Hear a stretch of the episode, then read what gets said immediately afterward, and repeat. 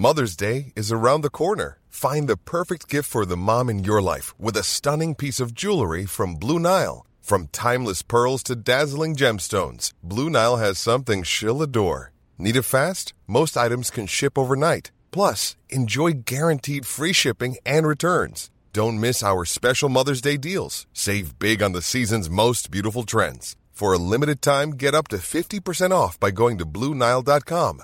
That's BlueNile.com. Quality sleep is essential. That's why the Sleep Number Smart Bed is designed for your ever evolving sleep needs. Need a bed that's firmer or softer on either side? Helps you sleep at a comfortable temperature? Sleep Number Smart Beds let you individualize your comfort so you sleep better together. JD Power ranks Sleep Number number 1 in customer satisfaction with mattresses purchased in-store. And now, save 50% on the Sleep Number limited edition Smart Bed for a limited time. For JD Power 2023 award information, visit jdpower.com/awards. Only at a Sleep Number store or sleepnumber.com. Aksjesjef i ABG Sundal Collier, Gaute Eie, og sjefstrateg Peter Hermarud fra Sparebank1 Markets. Sammen med meg, Eline Vamstad og Stein Ove Haugen, så skal vi forsøke å oppsummere 2020 og se inn i 2021. Og vi har en Oslo Børs på all time high. Vi har et marked her hjemme som har gått rundt 50% siden pandemien utløste børsfall i mars. Dere mener begge man bør være investert i aksjer, men mye tyder på at vi nå nærmer oss en topp i aksjemarkedet. Vi kan begynne med deg, Gaute Eie. Tror du at vi får en korreksjon nå på nyåret?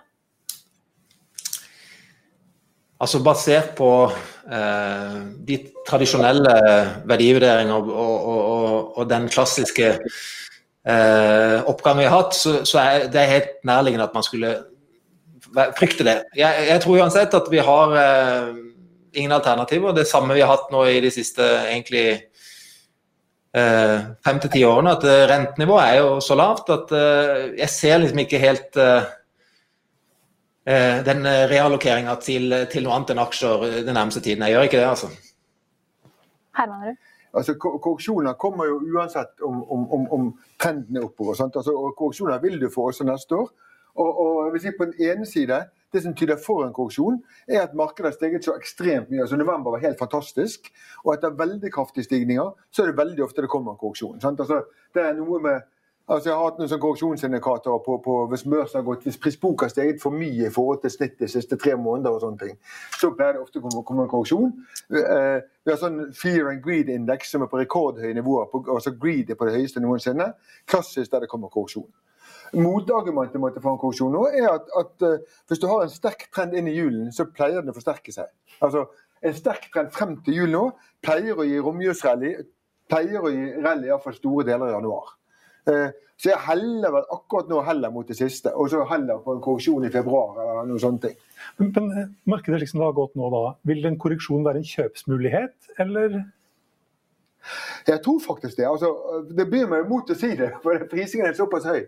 Men jeg tror liksom Gaute at det er ikke det er ikke tiden for en langsiktig fall, dette her. altså.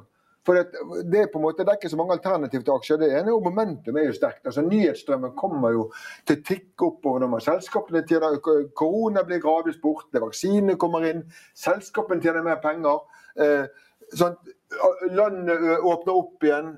Alt normaliseres igjen. og Da er det en god stemning, og børsen går videre. Så jeg tror egentlig Iallfall på mellomlang sikt at blir en korreksjon blir en kjøpsmulighet. Men Peter Hanna, nå høres du veldig optimistisk ut. Altså, Gaute Eier, er du helt enig at, at, alt ser lyst ut inn i 2021? Altså, her hører vi om at det skal gjenåpnes og at vaksinene kommer, men vi kan jo også risikere å få en tredje bølge etter denne fantastiske julefeiringen vi er nå inne i? Altså, mitt, liksom, vi, alle forventer jo selvfølgelig nå at uh, vaksinen skal gjøre at økonomien Og det er det skumle, alle forventer det samme. Men jeg tror uansett at det earningsmomentum vi tar med oss inn i første halvår, er det som gjør at vi klarer ikke å stoppe dette her nå. Uh, jeg ser liksom ikke at det kan komme hiccups på at det tar lengre tid og osv. Og, og de økonomiske dataene kanskje ikke er så sterke som vi hadde drømt om. da, at Det tar lengre tid. og, og jeg tror også at far, far, Det største faren er nok at vi venter litt for mye av 2021. Og, men jeg tror kanskje at det blir mer det skumle på høsten. At vi kommer til sommeren, børsen har gått bra, så ser vi at det her ble ikke så bra. Det ble ikke den recoveryen vi hadde drømt om. Eh, det er mitt største frykt. Men det er mer noe jeg ser mot høsten. altså Inn mot nyåret nå så er vi det er så mye som taler for at økonomien går videre, eh, og eh, folk er på vei inn i aksjer. Mange har tjent penger på aksjer og begynner å ta ned risikoen. Selvfølgelig, Det øker jo den langsiktige risikoen for korreksjon, men, men vet, nå, nå, har vi ulike segmenter som har uh, gitt så god avkastning at uh, grådigheten egentlig bare presser dette her nesten videre. Altså. Så, men største frykten jeg ser, er at uh, makroen ikke blir så bra i 21. Og at når vi kommer mot sommeren og vi skal liksom begynne å se, så priser du nesten inn absolutt alt. Og det er da jeg blir redd. Når liksom, vi skal begynne å levere. Og børsen er all time high, og du har bobleprising i mest sannsynlig veldig mange sektorer. Det er, da, det er da det blir skummelt. Men ikke første kvartal. Eh, det, det, det ser jeg som mindre frykt fra min, min side. Mm. Ja, jeg syns egentlig jeg er ganske enig. Litt det samme jeg har tenkt at eh, enn så lenge så er det såpass sterkt momentum at du får ikke mer. Du får sikkert en korreksjon, for det har gått så mye opp, men, men, men underliggende er det bra. Men så kommer det et tidspunkt der vi faktisk måte, vi er ferdig med korona. Sant? Ok, Vi ser det nå, det er livet tilbake til det normale mer eller mindre. Vi har ikke de store nedstengingene mer. Og så sitter vi igjen og så ser vi at ja, men kanskje ble ikke økonomien så bra likevel. Kanskje tjente fortsatt, er det mange selskaper som ikke tjener så fordømt mye penger fortsatt. Og, og, så er det noe med prisingen, selvfølgelig. at Vi priser jo inn veldig, veldig, veldig mye.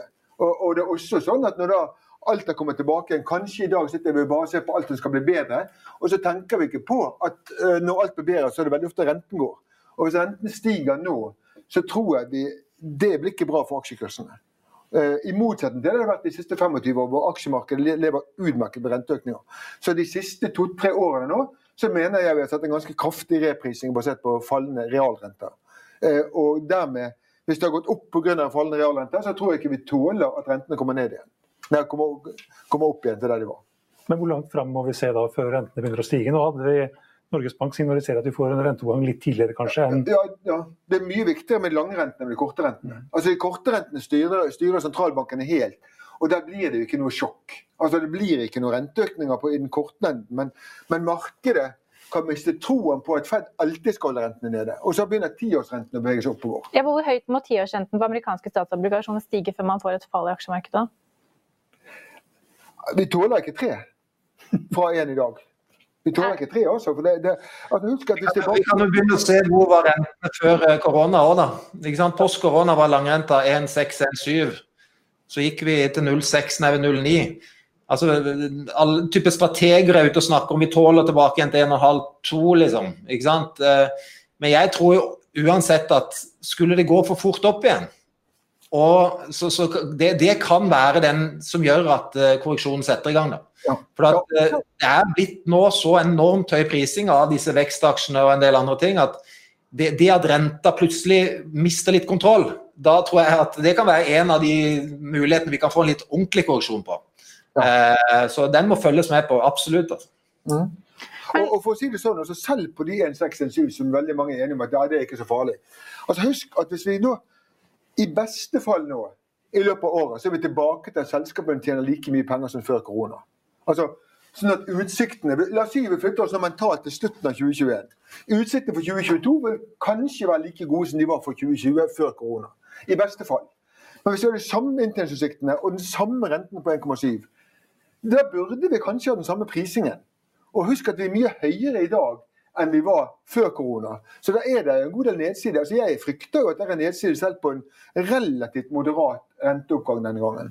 I motsetning til hva som har, Jeg har alltid vært mot dette. Jeg har alltid sagt at ja, det er ikke noe farlig med renteoppganger. Markedet liker renteoppganger. Men akkurat nå tror jeg ikke vi gjør det lenger. La oss hoppe til det som har skjedd eh, i 2020. For vi antall nynoteringer har eh, nærmer seg 50. Ja. Eh, hva, hva, kan dere si om det? Gaute, la oss begynne med deg.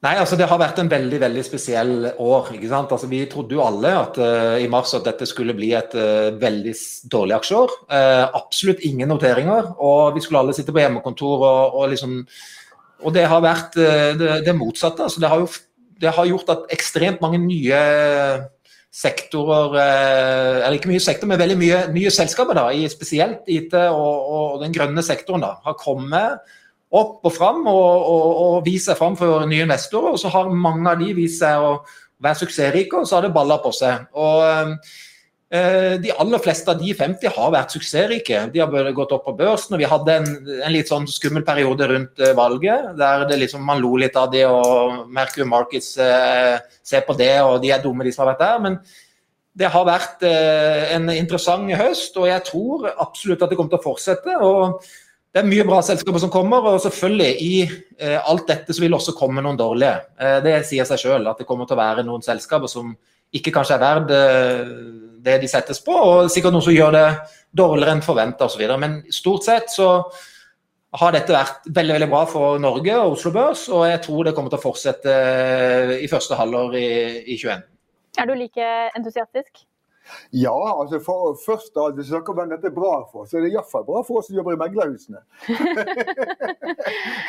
Men, og, og, dette er dessverre, Vi kan ikke tro at det fortsetter sånn i evig tid. Altså, har, Norge har 1% av Europas befolkning, og vi har likevel vi har over 20% av Europas IPOs og nynoteringer. Vi har, sånn, det er noe med at Vi er faktisk det markedet i Europa som har flest nynoteringer. Det er sånn foran England og Tyskland og sånne ting også. Så det kan ikke vare evig, men som Gaute sa, det har vært bra til nå. Altså Aksjonærene har tjent penger på dette. Eh, og så lenge aksjonærene stort sett har gjort det bra, eh, så vil dette fortsette. Så det kommer til å bli masse nynoteringer nå i første kvartal. Altså, nå jobbes det jo overalt med ting. Eh, eh men, men, det blir Det har jo vært sånne bølger før. Og så blir det selvfølgelig på et tidspunkt så er markedet mettet for nye selskaper, rett og. Men som dere sier, så er mange av disse selskapene i den grønne sektoren. Hvilke aksjer i den grønne sektoren eller blant nynoteringene er det dere liker best akkurat nå? Kan jeg tenke meg Har du noen eh, for hånden, Gaute? Mens eh, altså, du kan si at det, det er veldig vanskelig. Det er jo, jeg føler at Den grønne sektoren versus teknologisektoren, som er de to sektorene som vi har fått, er jo, det er jo veldig forskjell. Veldig mange av teknologiselskapene har, går det an å regne på. De har revenue, mange av de har earnings. Mens i den grønne sektoren så er det jo et mye mer komplisert bilde. Det er veldig mange som ikke har verken inntjening eh, eller du faktisk heller ikke har bestemt på hvilken teknologi som kommer til å ende opp som vinner, om det er plastresirkulering eller hydrogen eh, etc. Så det, jeg føler liksom at det er veldig ulikt å sitte og vurdere de to. og jeg føler litt at Den grønne sektoren i dag minner meg veldig mye om når vi satt og vurderte IT-selskapene på år 2000. Jeg var IT-analytiker og begynte i DNB som forvalter i mars 2000 det var, det var umulig å vite hvilken teknologiselskap var det som hadde en eller annen teknologi som skulle redde verden. Vi satt og måpte og, og, og, ikke visste, og det viste seg jo at 90% var tull. Og jeg føler liksom Skal man vurdere i dag, så det er jo nesten umulig å ta ut én en enkel grønn aksje og si at den blir vinneren. Skal man være med på den grønne bølgen, så er det mitt sterkeste råd å ha en portefølje av de. Noen du tror på. Eh, liksom bare innse at det er ekstremt vanskelig å plukke vinneren en, men å ha en portefølje og tro at den grønne bølgen fortsetter, det, det er jo et helt annet valg. Uh, så, så, det er min. På teknologisida så syns jeg det er masse spennende med enorme vekst, gode muligheter for uh, å fortsette den veksten. Og, det er interessant å se hvordan også internasjonale investorer kommer til Norge nå, kvalitetsinvestorer, og, og, og kjøper store stakes i norske teknologiselskaper. Det, det er veldig gøy å se. Vi vil gjerne ha en aksje eller to, altså, Gaute. En aksje, altså jeg tar, tar aksjer fremover. Kahoot Innen IT har vært en fantastisk reise. Begynte for fire år siden, har i dag 4 milliarder dollar i market cap. Fått Softbank inn eh, som 10% eier, en av verdens beste software-investorer. Jeg tror det kommer til å fortsette. Det kan bli en home run. Det kan bli en, eh, en norsk teknologiaksje som, eh, som, blir en av de store. Uh, inn uh, i Pharma, Favaxibody, litt det samme. Uh, fått til fantastisk innen både kreftvaksiner og også nå vanlige vaksiner. Eh, så dette er to sektorer. Når det gjelder de grønne, så, så vil jeg kjøpt en basket. Absolutt. Det er for vanskelig for meg å pelle ut en av de. Det er for stor risiko. Petter? Altså, altså, det er iallfall slik at altså, Mange av disse grønne aksjene har jo felles karakteristika at, at, det er ingen inntjening, det er knapt nok omsetning og det er planer langt inn i fremtiden.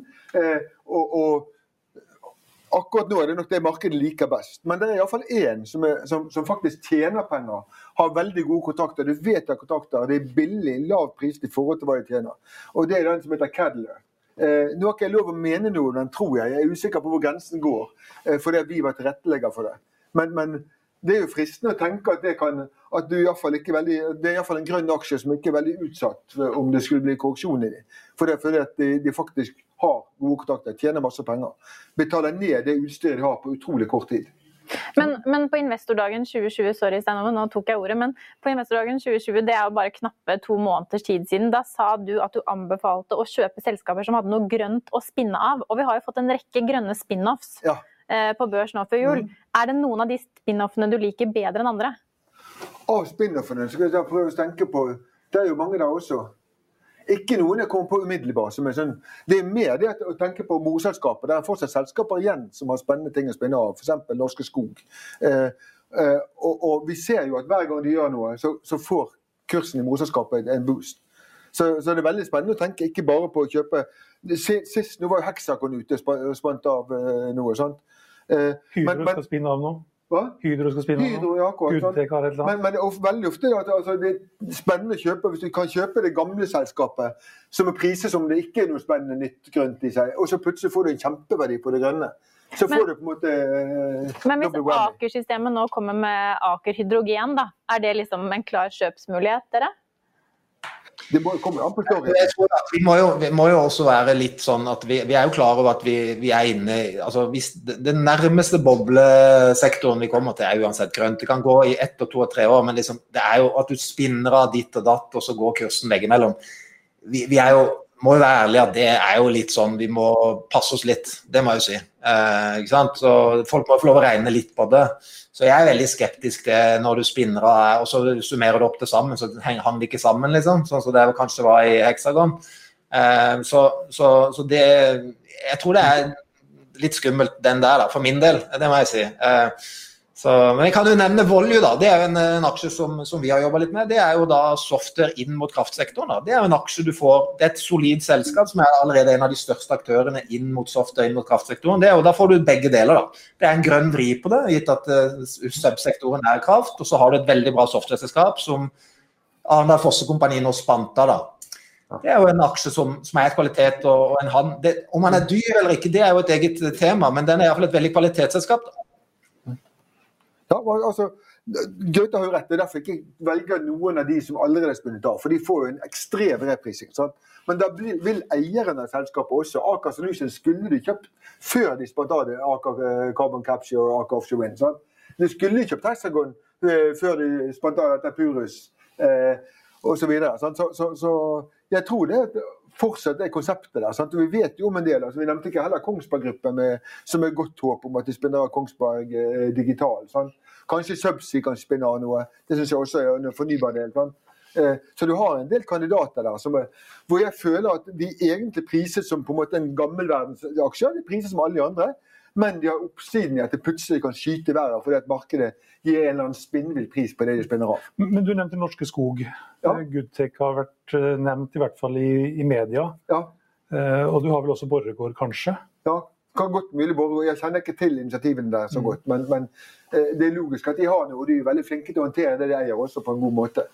Men det som også har vært litt skummelt i det her, kanskje, det er at uh, gjerne de selskapene man ikke kan regne på, Mm. det er de som stiger mest. Ja, ja. Dette er jo veldig likt år 2000. Sånn. Altså, det er jo så likt dotcom som det er.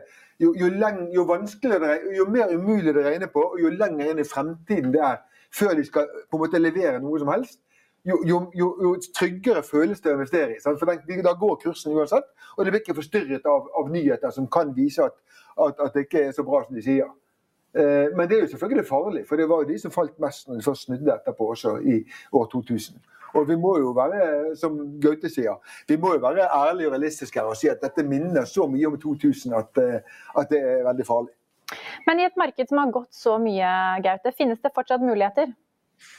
Du, det var det som er, det syns jeg faktisk er litt uh, det moro. Altså, vi satt og diskuterte her. ikke sant, at uh, Det var en bra artikkel i Finansavisen i dag med, med Schiller da, som gikk gjennom dette at han justerte for renta. og Da, da var plutselig børsen billig likevel. da, ikke sant, uh, og, Hvis du da begynner å se på Norge, at du kan kjøpe konsumaksjer som Kid og Europris og, og vår uh, nye børsintroduksjon for noen dager siden, Elektroimportøren, på P mellom 10 og 13 med free cash flow yield på nesten 10% og dividend på 7 Du har norske banker og sparebanker på fortsatt prisbok 1. Altså, for de som ikke ønsker å ta den risikoen da, om å tape 90 og 100% på grønne aksjer som ikke funker, så er jo faktisk eh, så dyr som verdens børs har blitt, og så lave rentene har blitt, så finnes jo masse spennende aksjer i Norge. De er det. Jeg tror også at fisk kan være en re reprisa sektor i neste år. Vi har Marine Harvest ned 20% i år pga. korona. Det kan være en sånn eh, synes jeg, kjempeaksje å eie på, lang sikt, da, basert på det bakteppet vi har nå. Og da er det sånn, Skulle verden komme med korreksjoner og alt, så sitter du og eier kvalitetsøknings, Så mest sannsynlig er verdt betydelig mye mer da, for deg som enkeltperson, istedenfor å vurdere å sette pengene i obligasjoner eller banken. Hiring for your small business? If you're not looking for professionals on LinkedIn, you're looking in the wrong place. That's like looking for your car keys in a fish tank. LinkedIn helps you hire professionals you can't find anywhere else, even those who aren't actively searching for a new job but might be open to the perfect role. In a given month, over 70% of LinkedIn users don't even visit other leading job sites. So start looking in the right place. With LinkedIn, you can hire professionals like a professional. Post your free job on linkedin.com slash people today. I'll see you in court. Vi sier det ofte litt på spøk, men for deg som driver business, er det aldri moro å innse at du ikke har laget en 100 gyldig kontrakt. Du bør ikke risikere hele firmaet ditt fordi du synes dette med kontrakter er litt stress. En avtale er ikke en avtale. Du kan miste kunder, miste venner, ja, til og med miste inntekter om du ikke lager en skikkelig kontrakt, på alt mulig, egentlig. Men vi vet det er et styr. Kopimaskiner, treg printer og haugevis av papir. Dessuten stoler vi jo på folk her i landet. Det er ofte litt kleint å skulle be om en signatur for alt mulig, ja, for mye av styret handler også om jakten på underskriften. Det finnes en enkel måte å løse dette på, Dukkobit, en trygg, effektiv og get this, gratis måte å sikre seg en god natts søvn pluss en juridisk bindende avtale. Dukkobit-appen har de strengeste sikkerhetskrav i bunn, samt en EU-godkjent og sertifisert teknologi. Framover vil det bli behagelig å spørre du, skal vi skrive under på det, eller? Kom i gang på dokobit.no. Få nevne noen. Konkrete muligheter, Peter? Noen konkrete muligheter. Jeg kan ta den eh, en jeg er ganske enig i, faktisk, som jeg ikke liker så veldig ofte. Det er fisk. Sånn. Men, men, men, men fisk litt altså Hvis du ser hva som har skjedd når økonomien har kommet tilbake, generelt sett nå har økonomien kommet tilbake, og aktiviteten er ganske normal nå etter koronakrisen. Og de sykliske selskapene som tjener på at veksten tar seg opp, de går bananas. Type Norsk Hydro, som selger aluminium, som er avhengig av aktiviteten i økonomien, går helt opp. Så, så, det har vært et veldig bra syklisk rally, men fiskeaksjene, som vi tenker som ganske sykliske, de har blitt liggende nede. Jo, hvorfor? Fordi at Etterspørselen etter aluminium og olje og mye sånt er på full vei tilbake igjen. Mens etterspørselen etter fisk ligger nede fordi det er Europa de er avhengig av, og Europa er fortsatt nedstengt. Men vi vet jo nå at Europa kommer til å åpne opp ganske snart igjen. Når Europa åpner opp, så vet vi at folk spiser mye mer laks i restaurant enn de spiser hjemme. Så, så det er bare spørsmål om tid, så kommer den kicket på etterspørselen. Du kan sammenligne med cruise og turisme, altså. men kicket på etterspørselen etter laks kommer til å komme.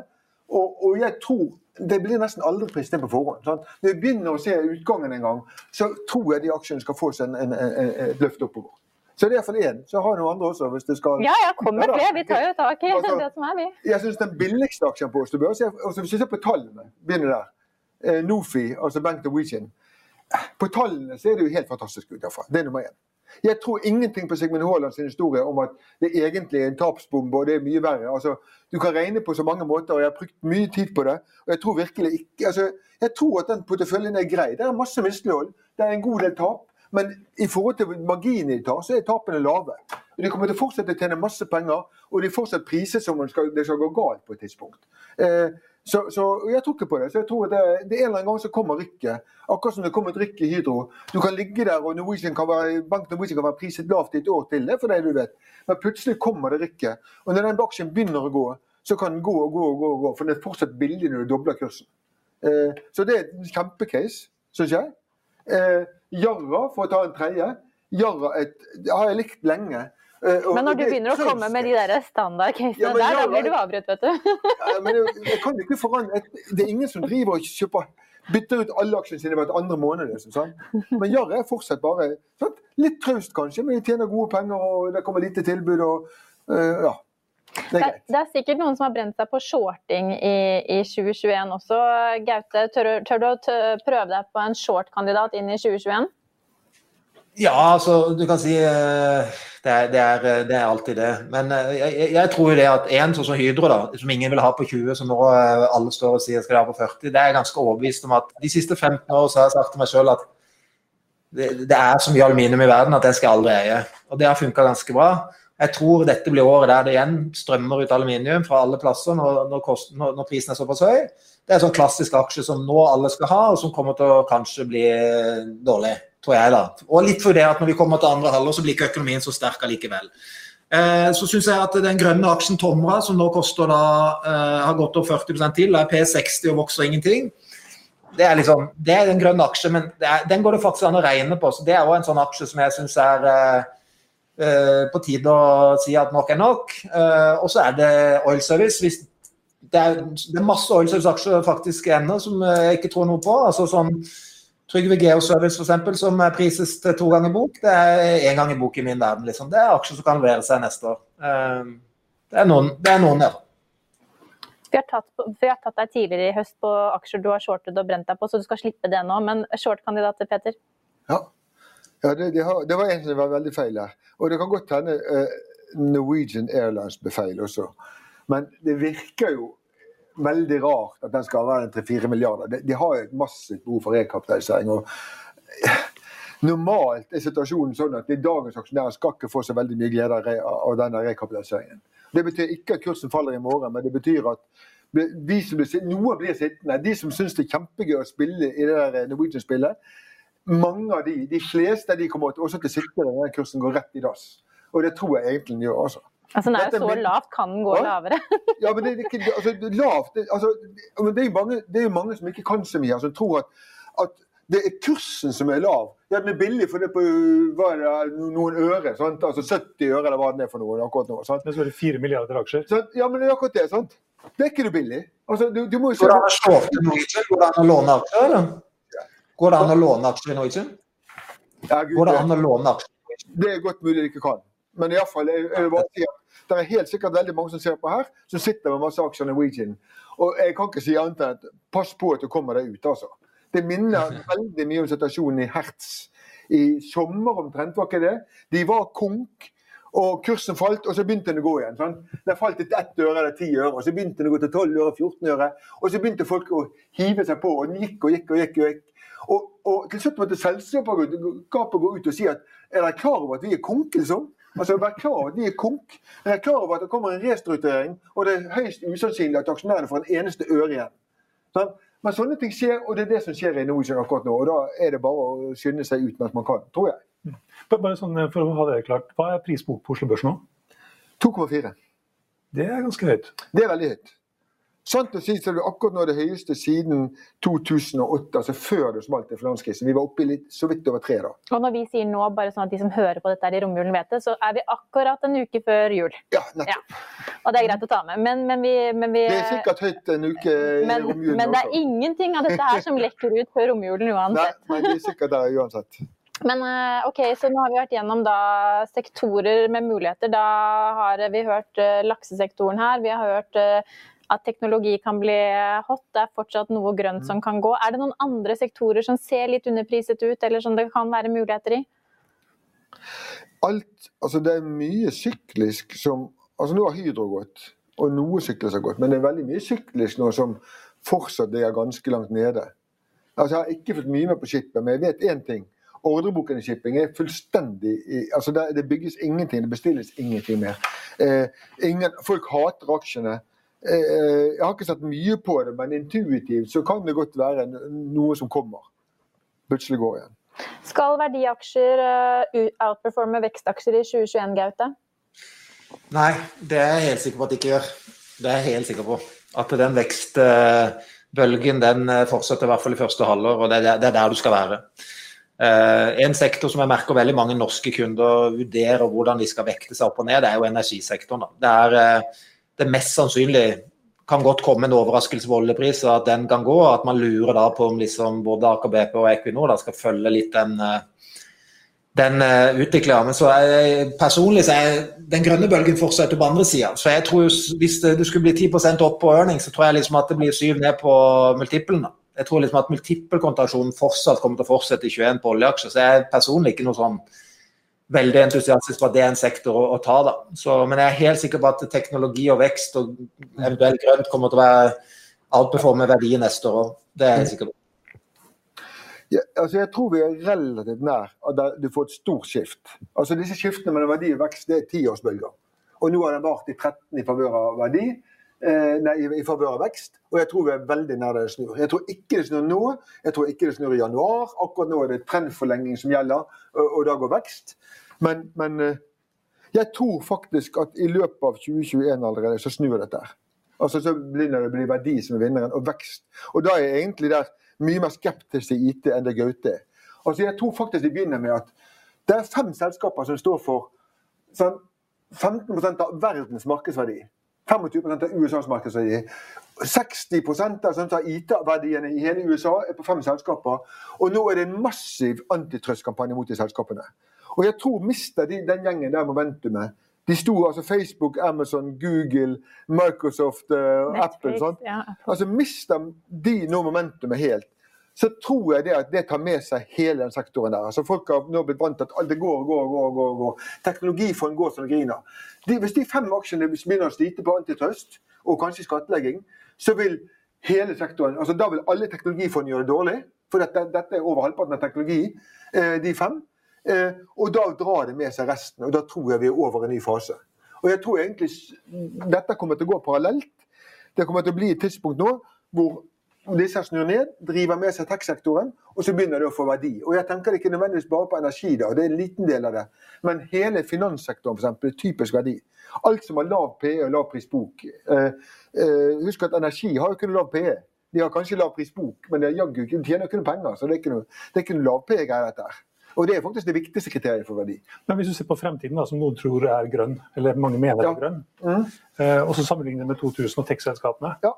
Går det an å plukke ut en Amazon blant de grønne? Ja, Det er et kjempegodt spørsmål. For markedet fikk helt rett. Fremtiden var grønn.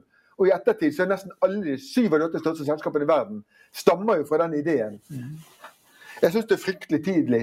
Jeg tror det er en neste Oi som kanskje, eller en, en Vestas eller sånne ting, som kanskje kan bli noe sånt en gang. Altså, øh, men, men, problemet er bare det at det er, om 10-15 år så vil det være åpenbart hva som måtte bli den store vinneren. I dag så tror jeg bare at det, jeg tror det er litt farlig å prøve å plukke de vinnerne. For at, eh, jeg tror kanskje heller ikke det blir så mange vinnere her. Altså, i, vi visste allerede i 2000 at den type marked du har, er type som winner takes it all. Det blir én vinner. Og så priset de opp ti selskaper som om hver enkelt de skulle vinne. Men, men, men, det var sånn en winner takes it all-marked. Og veldig mye det vi snakker om her Grønn energiproduksjon er ikke noe winner takes it all. Det er litt sånn frikonkurranse litt mer, hvor, hvor, det er veldig mange aktører. Og hvor det kanskje bare blir mange aktører som har grei nok avkastning, men ikke noe mer enn det. Men Gaute sier han ville hatt en kurv med aksjer. Ja. Hvis vi skulle hatt la oss si, tre-fire-fem aksjer da, innenfor grønn sektor, hvilke aksjer ville dere hatt da? Hvem skal du putte kurv med, Gaute? Ja, jeg bare tenkte at det, er forskjell på grønt og teknologi. Og de, de, de, selskapene som en Amazon, Google, Facebook, det, det, er jo et communities. Det er jo vi som konsumenter bestemmer at uh, de er ledende i verden. I den grønne så vil jo det være litt sånn Vi må ikke glemme at REC hadde 160 milliarder eller hva det hadde i market cap i 2007. Det endte jo opp å bli null. Fordi at uh, alle kommer å kunne produsere silisium. Og Det er jo det som er vanskelig nå. Altså det, jo, det, må jo være en eller annen ledende teknologi som du har da i evig tid, hvis du skal bli et så stort selskap som en Amazon innen en grønn verden. Ikke sant? Og det er jo, Veldig mye av dette kommer til å bli ødelagt på, av tilbudssida, som kommer til å krige ned den endelige avkastninga i den sektoren. her. Mm. Så jeg tror liksom at uh, og, uh, så det er så, Som jeg sier, hvilken ad du skal ha. så jeg vil jo sagt altså, En basket av de som har vært mest, om det er en Nell eller om det er en Quantafuel uh, Jeg er jo mye mer skeptisk til den klassiske jeg bygger en båt for å, å, å montere en vindmølle. Det kommer til å bli oil service til slutt. Det kommer til å bli overprodusert med den type båter, og det blir ikke noe lønnsomhet igjen. Men den som treffer på selve teknologien og klarer å løse en type plast eller en uh, hydrogenproblem, da, eller en karbonfangst det er jo, Men skal du treffe der, så må du ha flere enn én i hver av de. F.eks. én karbonfangst, én vind som du tror på. og Da ville jeg jo heller hatt utstyrsprodusenten kanskje da, enn jeg ville hatt han som skal bygge vindparker. da. Det ville jo jeg hatt.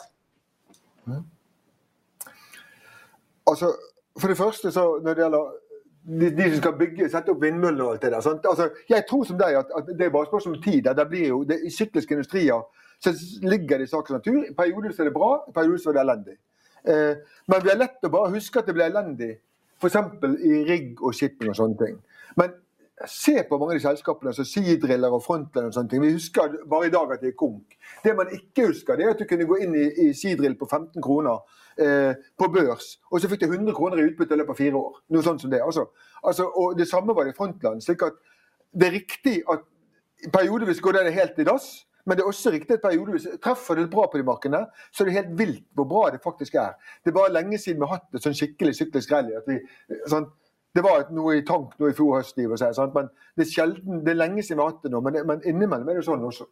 Når det gjelder det andre spørsmålet litt altså Den beste kandidaten, hvis du bare går konseptuelt, hvem har sjansen til å bli en åpenbar vinner? Det er enten teknologi, men like mye er det markedsposisjon. Det er ikke teknologien i Facebook som er unik, tror jeg. Det er markedsposisjonen. First mover advantage. Det er ikke det at Finn er så jævlig mye flinkere, egentlig. altså Det er så fantastisk flinke å sette opp de der eh, algoritmene sine. Det er bare det at når du først har fått brukerne der, så er det dominerende. Hvem er det som er ledende og ligger langt foran alle? Tomra, faktisk. Ikke at jeg følger veldig og elsker aksjen, men Tomra er jo den posisjonen iallfall at de er fullstendig dominerende innenfor sine segmenter. Og Man kan tenke seg at Tomre har den, og så klarer å ta det der inn i flere segmenter. Og kanskje kan de allikevel bli vinneren. For det er det nærmeste vi har en som ligger langt foran konkurrentene, som jeg kan se. Gaute? ja, nei, altså, jeg tror jo det at, eh, at vi må liksom være Når vi endelig kan regne på det, hvis du betaler 60 altså jeg bare ser at Alle sier Tomra, men de vokser liksom 3-4 på topplinja og har gjort det nå fem år på rad. Det er P60, liksom. Så, så sånn, Da kjøper jeg heller en eh, bank på P10, liksom, og så sier jeg lykke til. Eh, så får vi se hvor det, hvor det ender, liksom. Det, der er jeg. Men når du sier bank, altså Vi har jo en aksje som heter ABG Sundal Collier også.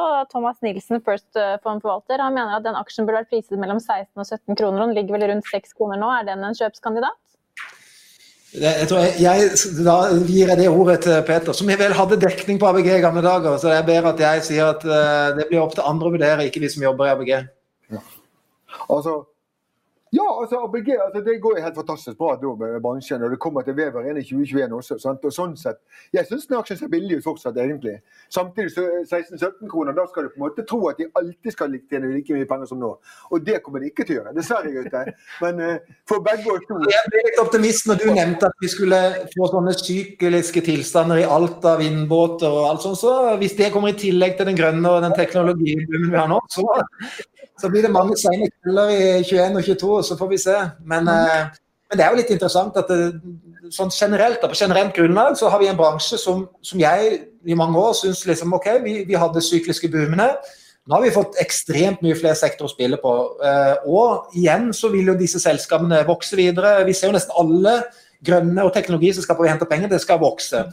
Mercel skal ta hele Europa på sin del. Link skal ta og krige med Sinche må ta sin del. Kahoot gjør det samme. De kommer til å hente penger og vokse, eh, alle disse sektorene og selskapene. Og Hvis vi i tillegg skulle fått syklisk rally, der det våkner litt igjen i de, så selvfølgelig det, vår bransje har fått en helt annen eh, eh, på en måte vår. da. Vi er litt tilbake igjen til 2004-2007, eh, og jeg tror det blir mye mer sustainability her. fordi at eh, vi ser jo også på den M&A-bølgen som nå blåser. Hvis jeg leser avisen hver dag om M&A, det kommer til å fortsette gjennom hele 2021. Fordi at folk ser at hvor skal de employe pengene? Jo, hvis jeg kan kjøpe opp konkurrent, for stordelsfordeler. Så, så det, er, det, er noe, det, er, noe, interessant over det òg. Og selvfølgelig, hvordan skal du prise sånne aksjer? Det, det, det får andre vurdere. Jeg har flere spørsmål på lageret nå som vi går inn i sluttminuttene her. men uh, nå som eh, realrentene begynner å falle, er ikke gull en veldig god investering nå? Spørsmålet er bare er gull en investering, eller har det vært en god investering? Sant? De har, realrentene har falt, og gull har steget mye, akkurat som bitcoin, som er helt parallelt. Akkurat nå har gull falt ned igjen, og bitcoin videre. Eh, Gudene vet. for hadde, hadde, gull vært på de prisene de var for to år siden, så hadde jeg kastet alt annet og kjøpt gull som en gal. Men, men det er dessverre ikke der, og da, da, vet jeg ikke helt. Men egentlig syns ikke jeg gullprisen Når det ble ekstremt det som har skjedd med realrentene, så syns ikke jeg gullprisen ser ille ut. Altså. Jeg, jeg tenker at jeg vil heller kjøpt enn solgt. Du, Gaute?